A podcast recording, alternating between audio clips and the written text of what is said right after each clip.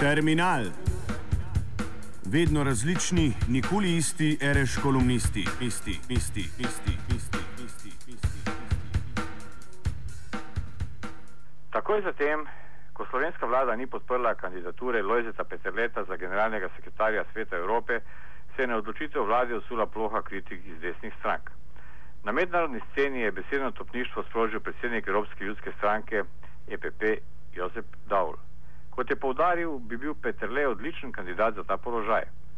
Torkove izjave Bratoškove na posvetu slovenske diplomacije na Brdo pri Kranju je Daul v sporočilu za javnost ocenil kot obžalovanja vredne in povdaril, da ne more sprejeti prezirljivih izjav premijerke Bratoškove proti osebi takšnega formata, ki svobodno izraža svoja politična stališča. Alenka Bratušek je namreč opozorila, da je prav v času vlade Lozita Peterleta Slovenija izbrisala več kot 25 tisoč ljudi, kar je bila najbolj množična kršitev človekovih pravic v Sloveniji. Presrečen sem bil, da Bratuškova in njena vlada nista podprli kandidature Lozita Peterleta, vidnega člana Evropskega parlamenta, nekdanjega premijera in nekdanjega ministra za zunanje zadeve, za mesto generalnega sekretarja Sveta Evrope, je zapisal Daul. Verjamem, da bi bil gospod Peterle odličen kandidat, saj ima vse potrebne kvalifikacije za to mesto ter uživa široko podporo v državah članicah in institucijah, je dejal vodja EPP.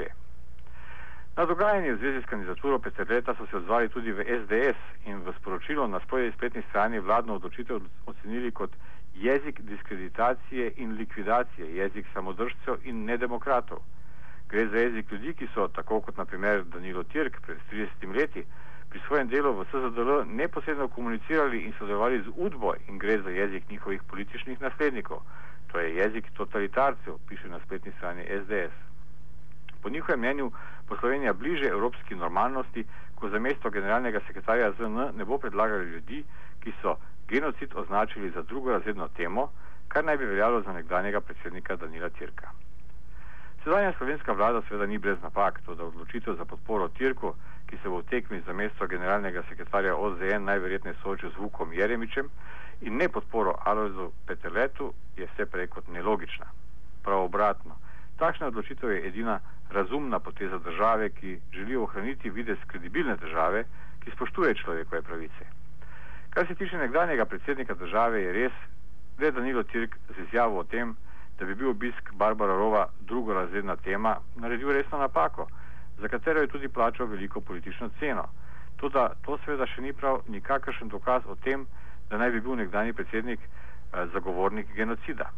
Prav obratno, Danilo Tirk je v svojem mandatu neprestano opozarjal na pomen človekovih pravic, s sporno izjavo pa je želel zgolj, sicer nespretno, pokazati svoj odpor do politizacije tem iz času druge svetovne vojne in s tem do desnih strank, ki to metodo že od osamosvojitve naprej uporabljajo za to, da blatijo politične nasprotnike.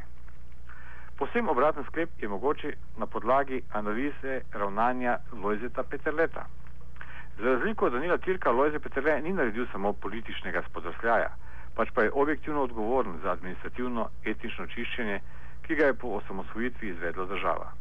Res je sicer, da Lojze Peterle ni osebno sestavljal sezname izbrisanih, pač pa je to pomoči svojih oprot, predvsem Igorja Bavčarja in Bavčarjeve desne roke Slavka Debelaka, pripustil nižjemu ešalonu uslužbencev MNZ.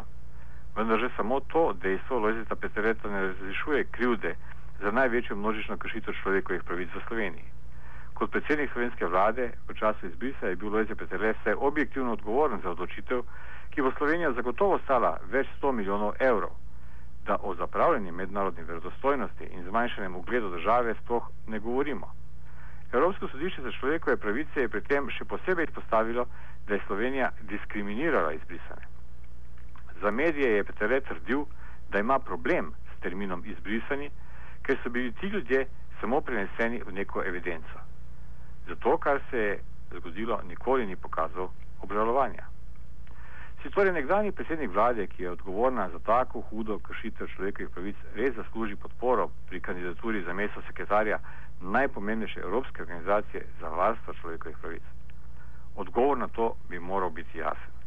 Če je kršitev vrednot neke organizacije pogoj za zasedanje najvišjih položajev v njej, potem si Lojze Peterle seveda zasluži mesto generalnega sekretarja Sveta Evrope. To da le v skoraj enaki meri, kot bi si arhitekti etničnih čiščenj od Hrvaške preko Bosne do Kosova zaslužili mesta varuhov človekovih pravic. Ali kot bi si Adolf Eichmann zaslužil mesto pravosodnega ministra povojne Nemčije. In nič bolj, kot bi si banksteri, ki so uničili finančne sisteme sveta, zaslužili mesta finančnih ministrov in komisarjev za finančne zadeve. Terminal je pripravil Igor Mekina.